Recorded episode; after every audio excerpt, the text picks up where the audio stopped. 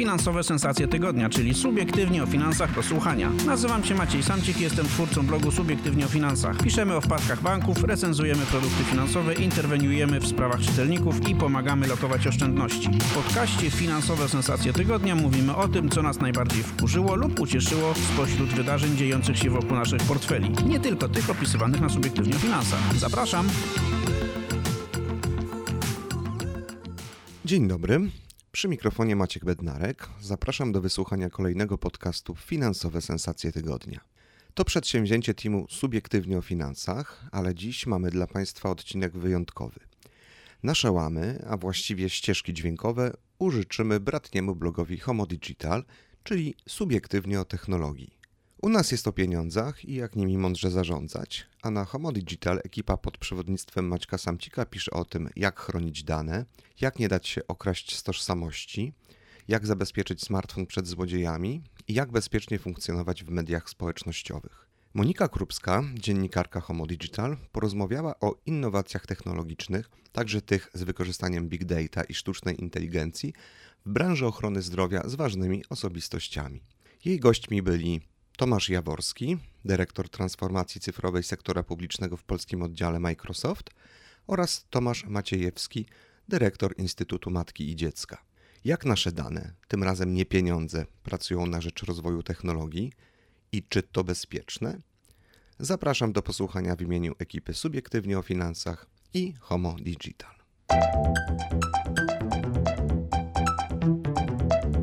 Ja się nazywam Monika Krupska, jestem redaktorem e, portalu Homo Digital, dedykowanego nowym technologiom. Będziemy rozmawiać dzisiaj o medycynie i nowych technologiach, czyli e, o rzeczach, które interesują nas wszystkich. Moimi gośćmi są dzisiaj pan Tomasz Maciejewski, dyrektor Instytutu Matki i Dziecka. Dzień dobry Państwu. Oraz Tomasz Jaworski, dyrektor transformacji cyfrowej sektora publicznego w polskim oddziale Microsoft. Dzień dobry Państwu. W ciągu ostatnich lat sektor e, ochrony zdrowia przeszedł bardzo dużą transformację, którą widzieliśmy szczególnie w ciągu ostatnich dwóch lat. E, wszyscy doświadczamy e, też kwestii, które mają wpływ na nasz dostęp do ochrony służby zdrowia, to jest starzenie społeczeństwa, starzenie się też lekarzy i personelu pielęgniarskiego.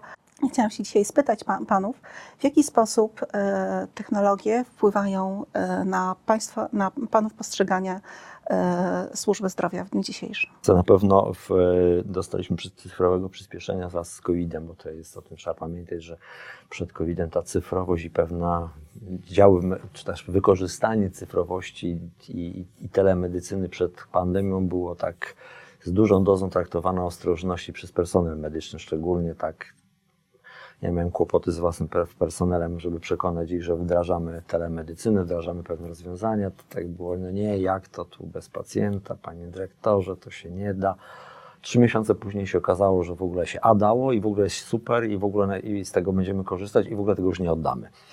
I to już i to, to jest takie bardzo ciekawe spostrzeżenie, że sytuacja kryzysowa pomogła podjąć decyzję. Pewnie, Czyli po prostu tak? wszystko, nawet co jest złe, czasami ma swoje dobre strony. Ma swoje tak? dobre strony. No, jako ludzie zawsze się mhm. boimy zmiany i tego, co jest nowe, nieznane, bo już przyzwyczailiśmy się na wygodnie funkcjonować w tym, co, co mamy. Jest to już tak uklepane, pracujemy tak zawsze, żeśmy robili, jest świetnie. Trzeba jeszcze też pamiętać, że my jako lekarze mamy takie poczucie, że medycyna to A sztuka, B jesteśmy e, najlepsi, e, mamy monopol na, że tak powiem, wiedzę i, i, i działanie, w związku z powyższym e, szczególnie czasami w niektórych specjalnościach nawet są takie żarty, że czym się różni Pan Bóg od chirurga, tam innego innych specjal, czy innej specjalności to się dobiera w zależności od towarzystwa. Zawsze się mówi o tym, że Pan Bóg nie jest chirurg, nie myśli, że jest chirurgiem, a chirurg zawsze myśli, że jest Bogiem. Czy ginekolog, czy ktokolwiek. W związku z powyższym to też jest dość trudne. Nasze ego też z trudem przyjmuje czasami takie zmiany, które nie są fizyczne, bo co innego jest dostać nowe narzędzie do operowania, co innego jest in, inaczej pracować z pacjentem, czy, czy, też, czy też nawet pewne rzeczy tworzyć. Natomiast to, co, co personel zauważył, to to, że ta cyfrowość potrafi zdjąć część obowiązków jednak. I to jest bardzo istotna rzecz. I dlatego tak naprawdę po to potrzebna nam jest cyfryzacja, żebyśmy uwolnili ma, za, zbyt małe zasoby ludzkie do, od obowiązków, które są naprawdę, mogą być wykonywane przez urządzenia, nazwijmy to, tak? Czyli wszystkiego rodzaju aplikacje i i tym podobne. Czyli konkretnie, to znaczy co takiego mogą, znaczy jakie technologie się pojawiają? Pojawiają się na przykład technologie, które pozwalają w, e, sprawniej prze, pozyskiwać wiedzę na dany temat, czyli potrafią przeszukać bazy danowe i po, przekazać lekarzowi wiedzę. Na przykład w, w przypadku bardzo rzadkich chorób. Trzeba pamiętać, że produkcja danych w tej chwili jest tak ogromna i dla lekarza, który się nie zajmuje konkretnym, konkretnym schorzeniem, może być to wiedza dość tajemna, no bo tych pacjentów jest mało. W tym momencie taka, taki algorytm pomoże mu, pomoże mu przeszukiwać. Bo rozumiem, że te bazy danych są tworzone przez naukowców właściwie z całego świata, Tak, prawda? Tam trafiają tak. informacje o rzadkich przypadkach i te, te, ta wiedza jest dostępna. Na przykład w- czasie, w czasie pandemii e, wiem, że jest baza danych GIS, e, GIS Aid, ona się tak nazywa, która wcześniej była dedykowana e, badaniom nad wirusem grypy i nagle okazała się niezbędna przy badaniach nad koronawirusem i firmy diagnostyczne mogły korzystać z tej, z tej bazy, sprawdzając, czy ich na przykład rozwiązania testowe i diagnostyczne jeszcze łapią kolejne mutacje wirusa. Czyli e, lekarze dostają w tej chwili do dyspozycji dostęp do wiedzy, tak? Dostają też inne narzędzia. Jakie? No, na przykład można monitorować pacjenta na odległość, tak? Nie musimy, mamy urządzenia ubieralne, które używamy, zegarki.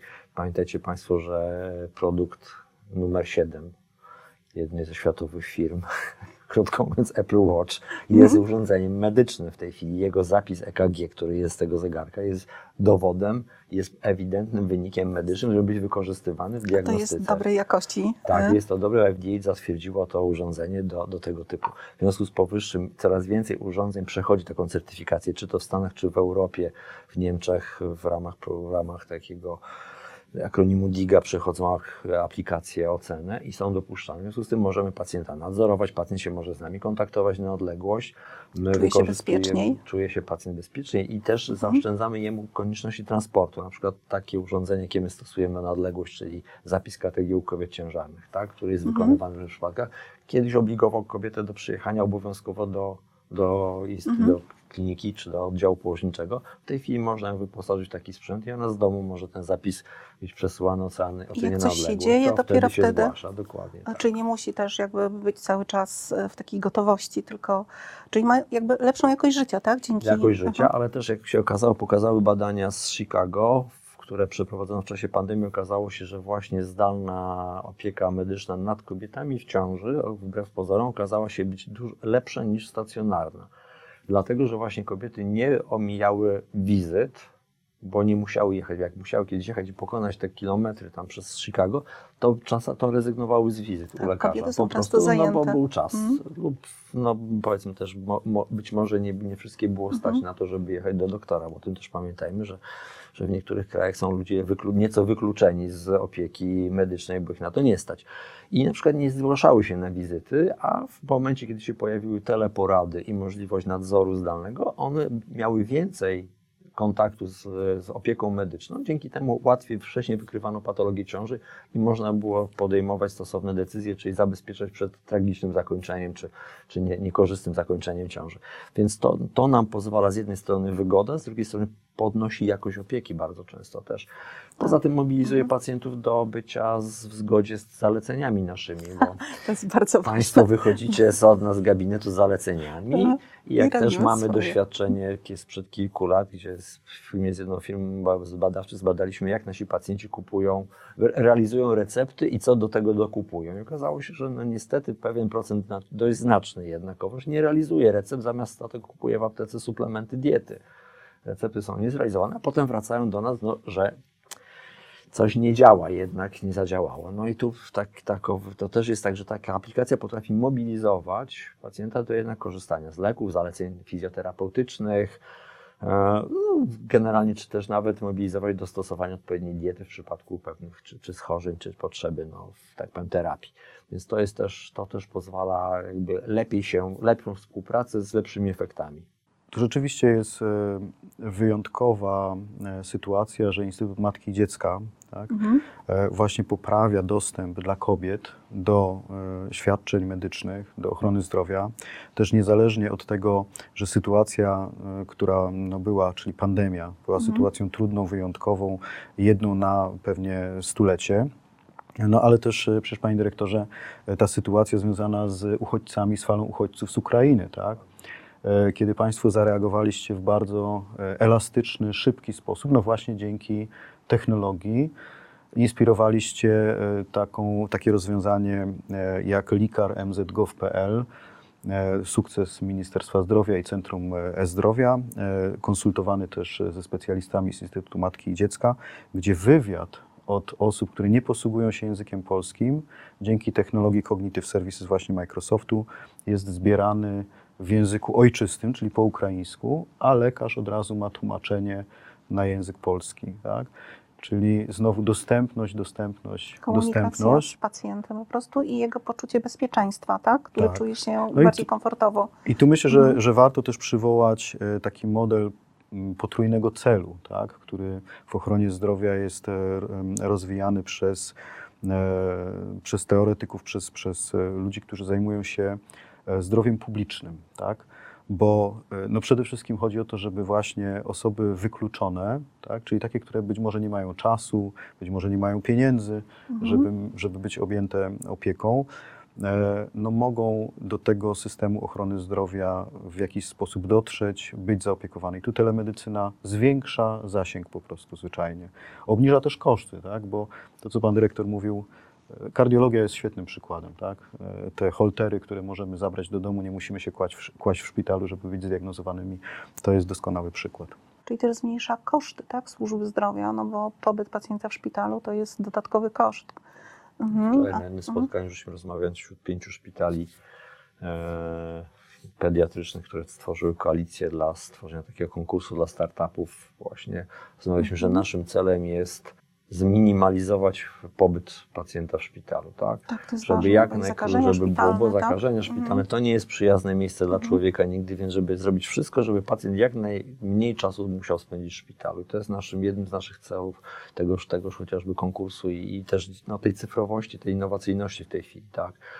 E, To jest właśnie no, inne też projekty, które właśnie pozwolą tym wykluczonym też dotrzeć do. Jesteśmy w tej chwili w jednym z programów też ministerialnych, gdzie właśnie będzie telemedycyna wykorzystana o tym, czym mówiłem, o lepszej jakości opieki w ciąży, właśnie dla kobiet w te, z telemedycyna w ciąży, dla kobiet z rejonów polskich, które no, są na, tak, uznawane za, z pewnymi problemami komunikacyjnymi, czy nieco oddalone od służby zdrowia, od, Mhm. od opieki medycznej i będziemy tam właśnie ten, ten projekt testować i wdrażać, a potem rozszerzać, mam nadzieję, że też na, na inne rejony Polski. Na razie to jest taki pilotażowy program. Ja mam pytanie o takie o względy prawne, tak? Dlatego, że e, e, mamy dostęp do dużej ilości danych, które są gromadzone na platformach. No nie, tu się nie zgodzę właśnie. Tu nie Ale zgodzę. a nie, nie, znaczy właśnie nie mamy dostępu. A i teraz, jeżeli mówię o współpracy międzynarodowej, te dane teoretycznie są przekazywane transgranicznie. Jak to jest rozwiązywane prawnie? Jeśli chodzi o warstwę e, danych, wymiany Mhm. tych danych, używania danych i przede wszystkim cyfrowego początku w ogóle ścieżki pacjenta, czyli że pacjent przychodząc do lekarza podstawowej opieki zdrowotnej, czyli lekarza rodzinnego, mówiąc popularnie, czy do szpitala, tak, od razu kontaktuje się w sposób cyfrowy. Jeszcze tutaj mamy dużo do zrobienia. E, I takim ciekawym przykładem związanym z, no, z ostatnim kryzysem, czy takimi stres testami e, systemu ochrony zdrowia związanymi właśnie z To było pandemią, potężne. Mhm. tak, to, to jest e, przykład taki, że teleporada w badaniach, które wykonał Narodowy Fundusz Zdrowia, z raport z badania satysfakcji pacjentów korzystających z teleporad u lekarza podstawowej opieki zdrowotnej w okresie epidemii COVID-19 z 8 sierpnia 2020, e, tu sobie przygotowałem taką ściągę, e, została teleporada oceniona w 81% pozytywnie. Tak? Tak, chyba każdy z nas korzystał poza tym z Właśnie z- 81% pacjentów, procent pacjentów zeznało, że skorzystało z teleporady, Mhm. a 92% pacjentów powiedziało, że ich problem zdrowotny został rozwiązany. Oczywiście nie każdy problem zdrowotny można rozwiązać za pomocą teleporady. Ale 92% już jest bardzo dużo. Natomiast bardzo tak, dużo. większość, większość kłopotów, które Mhm. oczywiście zgłasza się do lekarza podstawowej opieki zdrowotnej, to jest jakiś e, chrypka, wysypka, e, Proste rzeczy. nieżyt, Mhm. proste rzeczy, które można bardzo szybko rozwiązać i zmniejszyć też stres tak, pacjenta. I Mhm. teraz em, czego wydaje się zabrakło w teleporadzie? Tak? Zabrakło pewnej konsekwencji. W jednej z, konsek- z konferencji ja nazwałem ten problem naszej ochrony zdrowia, nie wiem czy pan dyrektor się zgodzi, poproszę tu o komentarz, chromaniem przystankowym. To znaczy z racji tego, to jest taki termin medyczny, tak, że człowiek, który ma pewną, e, pewne schorzenie, no męczy się, tak. I teraz ja myślę, że tym schorzeniem w naszej ochronie zdrowia e, to jest oparcie się o procedury papierowe. Czyli, że w pewnym momencie różne procesy niestety napotykają na ten problem, że biurokracja je zaczyna stopować. I o ile teleporada właśnie oparta o dane, oparta o usługi e, zapisu mowy natura, języka naturalnego na tekst, archiwizowania tego tekstu, możliwości wyszukiwania w tym tekście, tak, byłaby czymś zupełnie rewolucyjnym. Tak. O tyle zatrzymaliśmy się, no i niestety właśnie płatnik, czyli NFZ właśnie zdecydował o pewnych obostrzeniach administracyjnych. Nie wiem, jak to pan odbiera, panie A co to dyrektorze. za, za, obostrzenia? no też ograni- no, ograniczające dostępność do telepora, co tak skrócie można to powiedzieć, tak o ile w pandemii to dość szeroko można było korzystać, tak teraz po pandemii zaczęto ograniczać do, do pewnych sytuacji, czyli tych teleporad będzie siłą rzeczy mniej, tak? I wydaje się, że to jest trochę na, nadmiarowo, oczywiście to bardziej bym upatrywał z pozostawienia, czy widziałbym lepiej pozostawienie w takim zakresie, jaki były, natomiast sprawdzenie rzeczywiście, jak one są realizowane przez, przez nas, czyli jednostki służby zdrowia, a nie, a nie za, tak powiem, odgórne ograniczanie tej dostępności. Tak? To lepiej sprawdzić, czy rzeczywiście są dobrze realizowane, lub nawet usprawniać ten proces poprzez dawanie czy narzędzi nowych, czy właśnie pewnych prawnych u, u, u, udogodnień, tak, poprzez takie czy inne zapisy, żeby były. I to można skontrolować przecież, jak się będzie miało właśnie scyfryzowaną poradę dostępną, to łatwo ją skontrolować, jak się odbyła, w jaki sposób i tak dalej. Jakie były też następstwa, bo jesteśmy w tej chwili przecież obowiązani wszyscy prowadzić elektroniczną dokumentację medyczną. Jest ona obowiązkowa. Mm, Jeżeli byśmy upłynnili pewien przepływ danych do, do platformy P1, to wtedy ta możliwość nadzorowania i sprawdzania, jak była udzielana porada, jakie były jej następstwa, jaki dalszy follow-up z pacjentem byłby możliwy do nadzorowania i raczej w tą stronę byłoby, tak jak Pan Tomasz powiedział, lepiej pójść dalszym tempem, może nie biegiem, ale regularnym, sprawnym marszem, niż zatrzymywać się i, i znowu powoli ruszać. Bo rozumiem, że jakby argumentem e, strony rządowej jest to, że ludzie zbyt często korzystali ze zwolnień, tak? Nie, nawet chyba nie z tego, tylko być może, że y, z tego, że no nie, nie wszystkie rzeczy, mm, no oczywiście nie zawsze w tych teleporadzie wszystko można zbadać i sprawdzić, aczkolwiek to ja bym szedł raczej w to, żeby wyposażyć w różnego typu właśnie urządzenia, które pozwolą a, tego, temu pacjentowi, temu lekarzowi zbadać pacjenta na odległość. No właśnie, to takim e, dobrym przykładem, też sprawdzonym e, przez e, płatnika i przez e, regulatora e, rynku ochrony zdrowia e, jest domowa opieka medyczna, tak? Bo przecież domowa opieka medyczna, przypomnijmy, e, powstała bardzo szybko i została rozwinięta przez Centrum E-Zdrowia w odpowiedzi na kłopot związany z tym, że nie wszyscy pacjenci, którzy mieli e, COVID-a, e, wymagali hospitalizacji. Ale bardzo trudno było wyłapać ten moment, zidentyfikować ten moment, kiedy pacjent kwalifikuje się do szpitala. I e, pomysł e, powstał taki, żeby nadzorować za pomocą prostego urządzenia, pulsoksymetru, saturację krwi pacjenta i kiedy osiąga ona pewien poziom graniczny, e, jest to sygnał, tam też rosną inne parametry, puls, jeszcze zbierany był wywiad też co do wielochorobowości pacjenta, czyli pewnych czynników ryzyka.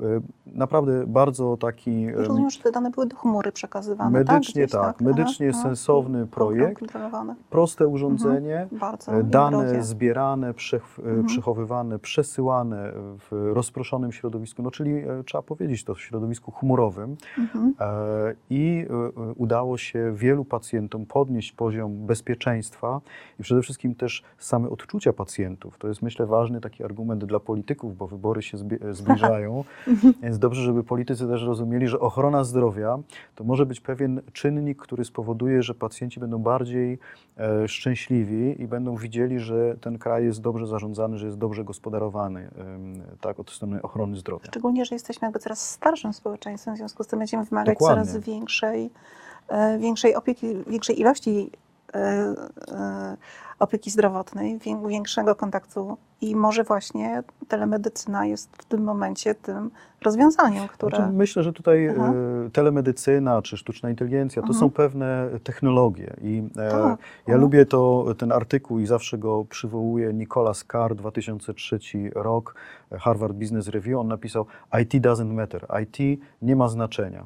E, My jesteśmy po to, jako dostawca technologii, żeby właśnie pan dyrektor, zespół Instytutu Matki i Dziecka, w ogóle profesjonaliści medyczni, bo e, to też się zmienia ten model, tak? Tu dzisiaj już nie mówimy o lekarzach i pielęgniarkach, mówimy o rehabilitantach, mówimy o dietetykach. Przecież dietetyk może dzisiaj cuda zdziałać, tak? W wielu schorzeniach, szczególnie takich przewlekłych, tak? Pod warunkiem, że pacjent będzie go słuchał, a tutaj możemy mieć Oczywiście. znowu ten...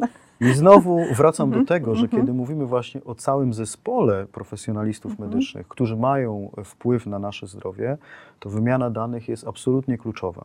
W tej chwili mamy e, na tapecie, dlatego mówiłem o politykach, bo mamy na tapecie e, dwa ważne akty, dwa, dwa ważne strumienie decyzji politycznych. To znaczy, z jednej strony opieka koordynowana, a z drugiej strony e, ambicją e, pana ministra e, Niedzielskiego jest ustawa o jakości. A czym jest opieka ko- koordynowana i czym jest ustawa o jakości? Opieka Mhm. koordynowana to jest właśnie taki, taki sposób zorganizowania, pan dyrektor, proszę, żeby mnie tutaj poprawił, Mhm. jeśli, jeśli zbłądzę, to jest taki sposób zorganizowania opieki nad pacjentem, gdzie lekarz nie jest e, centrum decyzyjnym, tak, tylko tym cen- centrum decyzyjnym jest koordynator, który kieruje pacjenta do poszczególnych profesjonalistów medycznych, czy do pielęgniarki, czy do lekarza, e, czy do jakiegoś rehabilitanta, czy do na przykład e, fizyka medycznego, który zrobi mu odpowiednie prześwietlenie. I potrzebuje do tego dostępu do danych pacjenta. Oczywiście, no, Mhm. to jest nie do wyobrażenia, Mhm. że pacjent nosi swoje dane medyczne i Grube dokumentację w teczki. teczce Mhm, tak? no. I gdzieś tam krąży pomiędzy profesjonalistami medycznymi. I podobnym zagadnieniem jest e, ustawa o jakości e, i tu środowisko medyczne słusznie zaprotestowało, ponieważ no, pomysłem na zbieranie pewnych takich kluczowych e, parametrów, KPI-ów tak zwanych, było to, żeby wypełniali lekarze i profesjonaliści medyczni ankiety. To dzisiaj powiedzmy sobie otwarcie nie. Tak? No tak, nie musimy tak tego tak robić i skarżą. nie chcemy tego tak robić. Skarżą na ilość dokumentacji, którą muszą wypełniać. Ale tak? czy, No, czy w no. ogóle mierzenie jakości, Mhm. panie dyrektorze, to jest coś, co środowisko odbiera pozytywnie, jakości świadczeń? Znaczy tak, jeżeli to jest połączone z jakimś benefitem, tak, różnego typu, to oczywiście będzie tak, bo jeżeli to będzie tylko połączone z wypełnianiem arkuszy i na podstawie tylko arkuszy będziemy to oceniali, no to, to, to arkusz można wypełnić oczywiście dokładnie jak się chce i uzyskać to, co się założyło, natomiast czy będzie miało to wspólne rzeczywiście, że z tego będzie pacjent miał korzyść odniesie, tak, bo to o tym pamiętajmy, że jakość podnosimy w jednostkach naszych po to, żeby z jednej strony pacjentowi było jak najbezpieczniej, jak najlepiej, ale również, żeby personel też się czuł dobrze w tym miejscu, gdzie pracuje, też się czuł bezpiecznie, tak? To jest jakby wspólny nasz cel, po co mamy ponosić jakoś, więc tylko określając jakimiś, e, no poprzez właśnie ankiety to jest troszkę mało. Tutaj mam, możemy na różne sposoby tą jakość oczywiście oceniać i niekoniecznie musi być to robione w sposób e, przez wypełnianie ankiet, bo można równie dobrze te dane zbierać z danych, które zgłaszamy do NFZ-u czy do GUS-u, gdziekolwiek, tak, czy Narodowego Instytutu Zdrowia Publicznego, gdzie jesteśmy obowiązani pewne rzeczy automatycznie przekazywać i równie dobrze można byłoby te dane stamtąd pozyskiwać i na tej Właśnie, podstawie ta też pewną jakość, Mhm. o jakości już pewnej mówić, tak? Bo jednym z czynników jakości jest na przykład czas pobytu pacjenta w szpitalu, czy, czy też właśnie jak często powracają pacjenci do szpitala, tak? I to jest jeden z jakościowych mierników i te rzeczy to wystarczy, przecież można wejść w rekordy miarą, NFZ-u, tak? miarą pra, pracy i e, jakości pracy lekarza jest zdrowie pacjentów, tak? Czyli właściwie niepotrzebne są żadne dodatkowe biurokratyczne wybryki, e, które e, tylko obciążą dodatkowo, dodatkowo Ja lekarzy. myślę, że tutaj właśnie Aha. e, widzimy też Mhm. e, pewien e, wyzwanie, pewien kłopot może, tak, że jednak system ochrony zdrowia e, je, ma swoją specyfikę. To znaczy bezpieczeństwo pacjenta przede wszystkim, Tak. tak Mhm. i e, tutaj musimy dochować najwyższych standardów. A z drugiej strony e, wiąże się to z tym, że e, w system zaangażowanych jest bardzo wielu inteligentnych, mądrych, wysoko wykształconych ludzi i teraz trzeba znaleźć pewien wspólny język. Ja mogę sobie wyobrazić taką sytuację, że nie tylko będziemy właśnie e, monitorować, obserwować jakość, i nie będą wymagane dodatkowe ankiety, ale tak jak pan dyrektor powiedział, może nawet zredukujemy te obowiązki raportowe, bo gdyby wejście pacjenta w tą ścieżkę było od razu cyfrowe, czyli e, podczas spotkania pacjenta z lekarzem wywiad jest zbierany e, w formie rozmowy, która jest zamieniana od razu speech to text, czyli zamieniana jest mowa na e, tekst pisany i gdzieś to jest archiwizowane, to są przecież takie technologie jak NLP, czyli procesowanie naturalnego języka i wychwytywanie pewnych słów kluczowych, i ta technologia pozwoliłaby od razu taką ankietę stworzyć, ewentualnie lekarzowi podpowiedzieć, że jeszcze nie zadał jakichś kluczowych pytań, które pozwalają właśnie w, osądzić, tak, ocenić e, to zdrowie pacjenta. No i to są technologie, które w bankowości, tak jak pan e, dyrektor powiedział, są dostępne już od dłuższego czasu. W telekomunikacji też. jest trochę bezpieczniejsza, wydawałoby się, niż nasze zdrowie. Tak? To jest taki bardzo wrażliwy obszar, gdzie każdy bardziej tak e, uważnie przygląda się róż, różnym procedurom. Niekoniecznie. Ja nie wiem, Chyba czy. Nie. Chyba nie. Ja bym nie Jednak pieniądze. Ja bym, patrząc czasami, to wydaje się, no, jak pewne rzeczy łatwo się wdraża i na coś łatwo, bardzo łatwo decydujemy na przykład w, w komunikacji, w, no, w, samochodach naszych, tak, telefonach i gdzie indziej właśnie. Jak się temu przyglądamy, albo się temu też przyglądamy, tak w zdrowiu, to nie zawsze jest tak, bym powiedział. Ale to jest opór środowiska, opór de decydentów, opór, gdzie jest, gdzie jest to miejsce, gdzie... No, myślę, że też znaczy to trzeba, to nie, chyba gdzieś, gdzieś po środku to będzie leżało, tak? Bo i też pamiętajmy, że właśnie pacjent też nie do końca się tak wczytuje właśnie w pewne rzeczy, jak, jak się wczytuje właśnie w umowy być może bankowe czy inne w tej chwili. No ja myślę, że jest też kwestia mm, związana z pewnym długiem technologicznym, mhm. tak? E, nie chciałbym, żeby Instytut Matki i Dziecka e, stał się teraz e, przedsiębiorstwem z rozbudowaną informatyką. Wolałbym, żeby środki i no, cała zdolność organizacyjna Instytutu była jednak skierowana na medycynę. I teraz, kiedy myślimy sobie o tym, jak specyficznym organizmem, organizacją biznesową, nazwijmy to, jest szpital, i tu myślę, pan dyrektor to najlepiej rozumie, to na pewno działalność podstawowa to nie jest informatyzacja i digitalizacja. W związku z tym wydaje się, że potrzebna jest informatyka jako usługa. Tak? Informatyka, która w pewnym obszarze e, nie tworzy wartości dodanej dla szpitala, na przykład myślę sobie tutaj o poczcie e-mail, tak? myślę sobie o platformie wideokonferencji, myślę sobie o arkuszach biurowych e, czy e, procesorze tekstu. Czyli zewnętrznych usługach i narzędziach, tak? Tak, mhm. które nie muszą być przecież zarządzane wewnątrz szpitala, bo dzisiaj one są standardem i mogą być użytkowane w chmurze. Natomiast być może są pewne usługi, i tutaj z Instytutem Matki i Dziecka rozmawiamy o tym, że właśnie sztuczna inteligencja i procesowanie obrazów to jest coś, co może być specyfiką właśnie Instytutu Matki i Dziecka. I nie wiem, jak pan dyrektor tutaj by wyceniał e, ten, tą wagę, jaką warto przyłożyć do świadczeń medycznych i tej podstawowej działalności szpitala, a do tej części organizacyjnej. Na pewno naszym zadaniem jest leczenie pacjentów. Diagnozowanie leczenie tu w ogóle nie ma co dyskutować, oczywiście.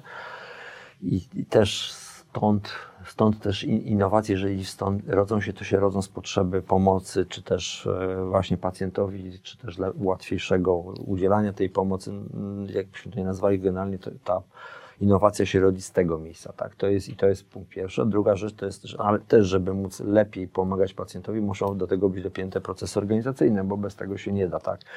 Najlepiej, najlepsze, najlepsze zdiagnozowanie pacjenta poprzez e, lekarza i wykorzystanie algorytmu sztucznej inteligencji, na przykład w ocenie obrazów, będzie fajnie, jeżeli, jeżeli, jeżeli do tego jeszcze dołożymy sprawność też organizacji jako takiej, w tej takiej dziejącej się pod, nazwijmy to pod podłogą, czy pod niewidocznej dla pacjenta. Tak? Jeżeli tam nie będzie sprawnie, to najlepsze algorytmy, najlepsze programy nam nie pomogą spytać, niestety. A jak lekarze reagują na te wszystkie nowe narzędzia i nowe możliwości? Znaczy tu oczywiście zawsze, no jak powiedziałem, jak każda, każda nowość jest zawsze z pewną wszyscy reagujemy rezerwą i tak samo jest w naszym środowisku medycznym, więc o tym też to jest naturalna rzecz. Każdy z nas się do nowości ma pewien dystans. Natomiast jeżeli po pierwsze to jest nowość, która wyszła z ich potrzeby, to oczywiście jest to zupełnie inne podejście do procesu właśnie na przykład, żeby ułatwić opisywanie czy zdjęcie rentgenowskie, obrazowej, całej obrazówki, czy też, czy też e, łączenia ich z innymi technologiami, jakbyśmy na to nie, nie, nie, nie, nie, już nie przyglądali się szczegółom, to jeżeli to wychodzi od zespołu, to oczywiście taką zmianę się kupuje łatwo i chętnie, no bo to jest nasz pomysł, tak? Jeżeli to od góry dyrektor narzuca, to wiadomo, że to już jest trochę inaczej, może być, ale też jeżeli tak stosujemy za, zasadę zwykle taką, że jeżeli coś wdrażamy, co, co uważamy, że jest niezbędnym elementem naszej pracy codziennej, to zaczynamy od siebie, pokazujemy, że my z tego korzystamy, potrafimy z tego korzystać i że da się korzystać i nie jest to, że to tak powiem, reszta musi robić, a, a my robimy inaczej. Nie, nie. Wszyscy musimy tak samo pracować i, i ty, tych samych narzędzi korzystać, tak? Także, że to jest i no, też, no też jeżeli ta jakakolwiek innowacja ułatwia życie i odciąża, to na pewno będzie za. Dwa tygodnie temu e, była ciekawa konferencja, która trochę odpowiada na, na to pytanie, które Pani zadała. E, konferencja 13-16 e, czerwca HIMS w Helsinkach, poświęcona innowacjom właśnie w ochronie zdrowia. I tam wielu profesjonalistów medycznych pojechało właśnie po to, żeby zobaczyć, jak można łatwiej pracować zwiększyć bezpieczeństwo pacjenta i poprawić e, też wyniki e, kliniczne. E, I podczas tej konferencji jednym z interesujących takich przykładów był szpital uniwersytecki w Helsinkach. Szpital HUS, który totalnie wszystko przeniósł do chmury, rozwija zupełnie nowe też procesy i usługi, świadczenia medyczne w oparciu właśnie o tę chmurę.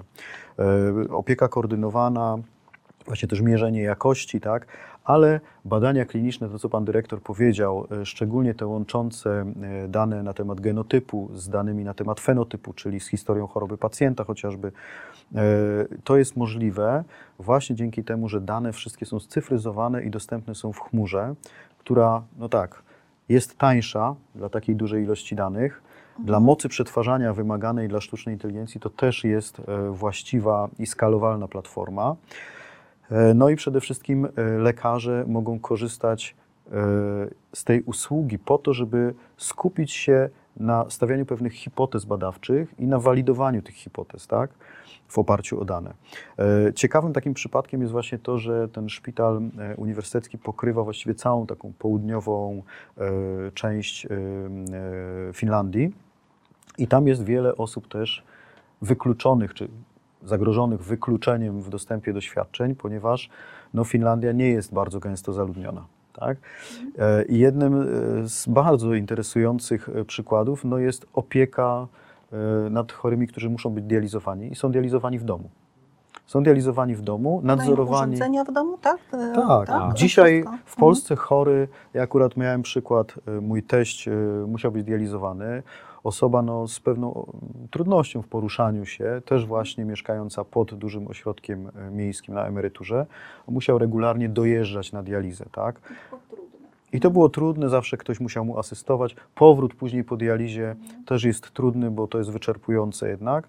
A tutaj chory i co ciekawe, bardzo wielu chorych też w podeszłym wieku, którzy się właśnie ucyfrowili, przekonali się do platformy cyfrowej, w komfortowych warunkach domowych, gdzie ta opieka właśnie jakiejś dodatkowej osoby łatwiej może być zapewniona, tak? E, są dializowani, czyli takie świadczenie medyczne z wysokiego poziomu, tak? w bezpieczny sposób dostarczane. Ale dlaczego? Dlatego, że mamy dane, dlatego że mamy platformę do nadzorowania, monitorowania i dzięki temu, że lekarz jest włączony też w tą całą ścieżkę pacjenta i ten proces e, opieki. No ja bym sobie życzył, żeby taki dostęp do opieki był też w Polsce, gdzie wiele osób mieszka jednak poza dużymi ośrodkami. Właśnie chciałam się zapytać, na jakim etapie jesteśmy, bo to jest, e, widzę, że jesteśmy w momencie wielkiej zmiany e, pojawiły się nowe technologie, nowe możliwości. Wszyscy powoli badamy ich, ich pierwsze możliwości, a po drugie ich wpływ na nasze życie. W którym momencie jesteśmy i jakie są takie trendy, które, które Państwo, Panowie widzą e, Powiedzmy na najbliższe, na najbliższe lata. Znaczy, tak, ja bym chciał rzecz skomentować. Jedną, że tak, oczywiście Mhm. taka opieka w Finlandii jest dużo łatwiejsza, bo to jest kraj o niewielkiej liczbie pacjentów, ludzi, tak. Pamiętajmy, że w krajach takich jak Holandia, Czechy, Finlandia dużo łatwiej jest pewne rzeczy wdrożyć, czy kraje nadbałtyckie, bo to są małe populacje, tak. To są populacje czas w niektórych krajach wielkości naszego, naszej stolicy i ok- przyległości. Ale Holandia tak. nie. Holandia już nie, ale Holandia też jest znacznie mniejsza niż Polska, też oczywiście też Poza trzeba tym pamiętać. Polacy są niezdys- niezdyscyplinowani z natury jakby, tak? To, To, jesteśmy- to już tak powiem, nie pozostawmy poza tym, poza tym spotkaniem oczywiście. I to jest e, jeden z elementów oczywiście i na pewno warto, dlatego też wiele tych rozwiązań w Polsce jest wdrażanych na zasadzie pilotaży na mniejszej populacji, żeby to dalej rzeczywiście rozprzestrzenić, bo nie da się tego zrobić na całym, w całym kraju. Zresztą na przykład nasze badanie przesiewowe, no, nowo, nowo, nowatorska metoda i genetyczna, a nie biochemiczna SMA była też wdrażana po kolei w kolejnych województwach. Najpierw był pilotaż na województwie mazowieckim, a potem dalej żeśmy wdrażali, żeby to wszystko zagrało w odpowiednim momencie, żeby to było zorganizowane, żeby nie było no, to bałaganu, znaczy, krótko w tej, mówiąc, w tej i zagrożenia. wszy- wszystkie noworodki Tak, są już badane? cała Polska już jest badana, także wszystkie. Powiem tak, całkiem prywatnie bardzo się cieszę, ponieważ znałam niesamowitą dziewczynę, która ma w tej chwili 20 parę lat i jest chora na to i gdyby dostała terapię genową kiedyś tam, byłaby po prostu całkowicie sprawnym człowiekiem i po prostu się nie, nie, nie załapała na ten moment No to jest zmian. kluczowy, Tak. to jest kluczowy czynnik, tak, tak zwany lead time, czyli czas wyprzedzenia, czyli na, kiedy moment, e, w którym momencie rozpoznajemy chorobę, tak, e, rozpoznajemy jakieś schorzenie. Także w onkologii, tak, dzisiaj mamy takie e, środki, że no, zachorowania onkologiczne mogły być chorobami przewlekłymi, a nie chorobami terminalnymi, tak. I cały czas walczymy z tym. Dlaczego walczymy? No te wskaźniki w systemie ochrony zdrowia w Polsce, czy kardiologiczne, czy onkologiczne, czy w chorobach rzadkich, są, no nie są najlepsze, tak? No niestety wypadamy źle w rankingach europejskich E, i to jest część odpowiedzi na Pani, na pani pytanie. Natomiast chciałem powiedzieć e, o czymś, co cieszy, tak? Żeby się ucieszyć tym momentem, w którym jesteśmy i cieszy na pewno to, że będą dodatkowe środki na ochronę zdrowia. I To te zwiększone nakłady to jest przede wszystkim zarządzenie prezesa e, NFZ-u e, z 20 maja 22 w sprawie finansowania działań w celu podniesienia poziomu bezpieczeństwa systemów teleinformatycznych świadczeniodawców, a drugi taki strumień to, są, to jest Krajowy Plan Odbudowy. E, Tam jednym z pięciu komponentów jest właśnie system ochrony zdrowia, który ma być bardziej odporny na różne e, zagrożenia, ryzyka, zjawiska. Czyli wszystkie nasze dane, dane dotyczące historii choroby, e, żeby po pierwsze były bezpieczne, tak? żeby nie trafiły w Dokładnie. ręce, a z drugiej strony, żeby były dostępne, bo te dane mogą też na przykład zniknąć. Tak, i to jest, Aha. wydaje się, taki moment, w którym systemowo dostrzegliśmy, jak ważne są dane w ochronie zdrowia e, i że zabezpieczenie ich poprzez, e, ja to nazywam, nazwałem to taką, mm, takim przykładem niezanikającego odruchu chwytnego. Pan e, dyrektor do, doskonale rozumie, że dziecko ma taki odruch chwytny, tak jak mu podajemy palec. I to jest dobry odruch, tak? ale on Aha. powinien w pewnym momencie zaniknąć. Tak? Mhm. e, wraz z rozwojem kompetencji dziecka. I myślę, że w naszym systemie ochrony zdrowia właśnie mamy taki odruch chwytny, jeśli chodzi o dane. To znaczy trzymajmy dane najlepiej w szpitalu, najlepiej w przychodni, W najlepiej w, postaci papierowej. w papierowej, w naszej szufladzie. One Aha. będą wtedy bezpieczne. tak. A Natomiast- najlepiej i cyfrowej, i papierowej, Ale i w trzech Tylko kopiach. pamiętajmy, że my ich Aha. nie mamy gdzie oddać. No Jeszcze tak. To jest o tym pamiętajmy, że nie ma takiego repozytorium krajowego, gdzie te dane moglibyśmy oddać, które są ogromnymi danymi i nie mamy gdzie ich. A są, jest w planach. E, No, tak zakładała platforma P1 między innymi.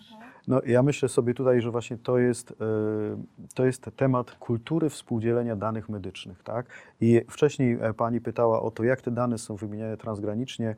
E, Ja trochę zaprotestowałem, bo właśnie uważam, że jesteśmy w tym momencie, kiedy zaczyna się dopiero dyskusja i wypracowywanie pewnych mechanizmów, gdzie z jednej strony bezpieczeństwo danych i poufność tych danych medycznych będzie tak, to zapewniona. jest bardzo ważne. Z Mhm. drugiej strony zapewnione zostaną nakłady, bo tak jak powiedzieliśmy, no, szpital nie jest od tego, żeby e, organizować platformę zarządzania danymi. E, No I nie, to tym się muszą zająć specjaliści, którzy się znają na mnóstwie aspektów, na bezpieczeństwie danych, Dokładnie. na mnóstwie I po prostu pierwszym i tak najważniejszą, najważniejszą e, kwestią jest to, że dane nie mogą być w postaci papierowej. No bo jak współdzielić dane w postaci papierowej? Tak? No muszą być zdigitalizowane. I drugi warunek to jest e, zarządzanie tożsamością tak, i możliwość audytu dostępu do tych danych. Czyli musimy zarządzać tożsamością zarówno pacjenta w systemie ochrony zdrowia, jak i profesjonalisty medycznego, który udziela świadczenia. Tak? I wtedy będziemy wiedzieli, kto wyprodukował dane, kto jest ich właścicielem, czyli pacjent, tak? A przy okazji przy zachowaniu tak poufności jakby. A i- kiedy będzie tak? jakaś centralna składnica, Mhm. będziemy wiedzieli, kto próbował dostępować do tych danych i po co, tak? Mhm. I to, tak jak pan dyrektor powiedział, analogia z systemu bankowego, w systemie bankowym mamy, tak? W systemie telekomunikacyjnym mamy, tak? I zauważmy też, bo to jest dla mnie e, fascynujące, że kiedy lekarz rozmawia z pacjentem przez telefon, to nikt nie mówi o tym, że o co się dzieje z tymi danymi w ogóle, które biegną przez te łącze telefoniczne. Przecież one są cyfrowe. Przecież to nie są Mogą być żadne... wykorzystane, zapisane, Oczywiście. A kiedy przesyłamy te same dane poprzez e-mail, tak, Mhm. to już e, zaczynamy troszeczkę się zastanawiać, co się z tymi danymi dzieje. A nie daj Boże, gdybyśmy te dane na przykład zapisali na nośniku e, CD, czy, czy jak, na jakiejś pamięci trwałej, e, albo gdybyśmy je próbowali składować e, w centralnym e, centrum danych. Tak? I myślę, że ta dyskusja to jest ten moment właśnie, kiedy możemy bardzo wiele uzyskać korzyści dla pacjenta i dla profesjonalistów ochrony zdrowia. Tak, i też musimy tłumaczyć pacjentowi, że używając codziennie telefonu komórkowego udostępnia tak wiele swoich danych Tak. codziennie z twa- wyglądem twarzy. Aplikacja, zobacz jak będziesz wyglądał, jak będziesz miał 80 lat, doskonale zbiera dane biometryczne. Przecież. Albo ile, na ile Odcisk palca Teraz. naszego na ekranie przecież.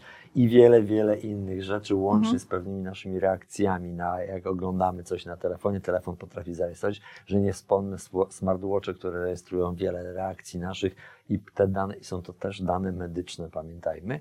I tutaj mało wtedy, wszyscy się mało tak czujemy czujni, jesteśmy tacy czujni w tym, że, że te dane dysponują operatorzy różni, tymi danymi już oni nie mają, tak? Natomiast jeżeli, to, jeżeli w- te same dane jesteśmy w przychodni, to już zaczynamy się niepokoić, kto z tych danych będzie korzystał. Ale to też jest jakby taka, e, taki nawyk pokoleniowy, to jest to, o czym mówił Pan Tomasz. I wydaje mi się, że e, jakby te e, nowsze, młodsze pokolenia, one już nie mają aż tak, nie zwracają tak dużej uwagi na swoją prywatność, ponieważ są przyspawane do sieci. Myślę, że no, zwracają uwagę ogromną na prywatność, z tym, że potrafią lepiej identyfikować sytuacje, w których e, mogą e, udostępnić pewne dane e, i lepiej identyfikują też, jakie dane można udostępnić. No, e, pan dyrektor, e, brawo, bo tutaj właśnie chciałem to powiedzieć, że my jesteśmy w tej chwili zanurzeni w danych, tak? Siedząc Mhm. tutaj i mając swoje telefony, przekazujemy dane osobowe, to znaczy numer karty e-mail, e, telefonu e, i lokalizację, w której się znajdujemy. I chyba, teraz że wyłączyliśmy. Chyba, że wyłączyliśmy, ale to za chwilę się i nie. tak e, Mhm. wszystko, tak, to i tak się wszystko y, odtworzy, tak, w momencie Mhm. zalogowania się do sieci. I teraz, no tak. I teraz ważymy, jaką korzyść odnosimy posiadając telefon komórkowy, tak? a jakie jest, jaka jest gwarancja poufności, prywatności itd. No mamy prawo telekomunikacyjne. Na zasadzie analogii potrzebujemy podobnych uregulowań e, i to teraz, kiedy są środki właśnie, które możemy przeznaczyć na to, żeby nasz system ochrony zdrowia, tak jak powiedział pan dyrektor, wkroczył na piętro wyżej, jeśli chodzi o współdzielenie danych, wykorzystanie tych danych. A jest wola taka, żeby stworzyć odpowiednie uregulowania, czy mm, e, są, są czynione jakieś kroki w tym kierunku? No oczywiście, no, my Mhm. jako, jako Microsoft, jako dostawca technologii mamy też pewne obowiązki, to znaczy poczuwamy się do pewnych Mhm. obowiązków związanych z zapewnieniem poufności, prywatności, bezpieczeństwa danych. I jesteśmy też, e, nasi e, eksperci e, są jednymi z tych, którzy włożyli swój wkład do pierwszego kodeksu branżowego RODO. Właśnie on dotyczy Super. ochrony zdrowia. Mhm. Czyli zarządca szpitala ma możliwość zaglądnąć do kodeksu branżowego i zobaczyć pewne specyficzne odpowiedzi na zagadnienia, z którymi się codziennie styka. Jesteśmy też e, w pracach nad e, europejskim AI Act, czyli to jest e, taka regulacja, która mówi o tym, jak będzie można korzystać ze sztucznej inteligencji w sposób bezpieczny w Europie. I obszar zdrowotny jest tam bardzo mocno identyfikowany.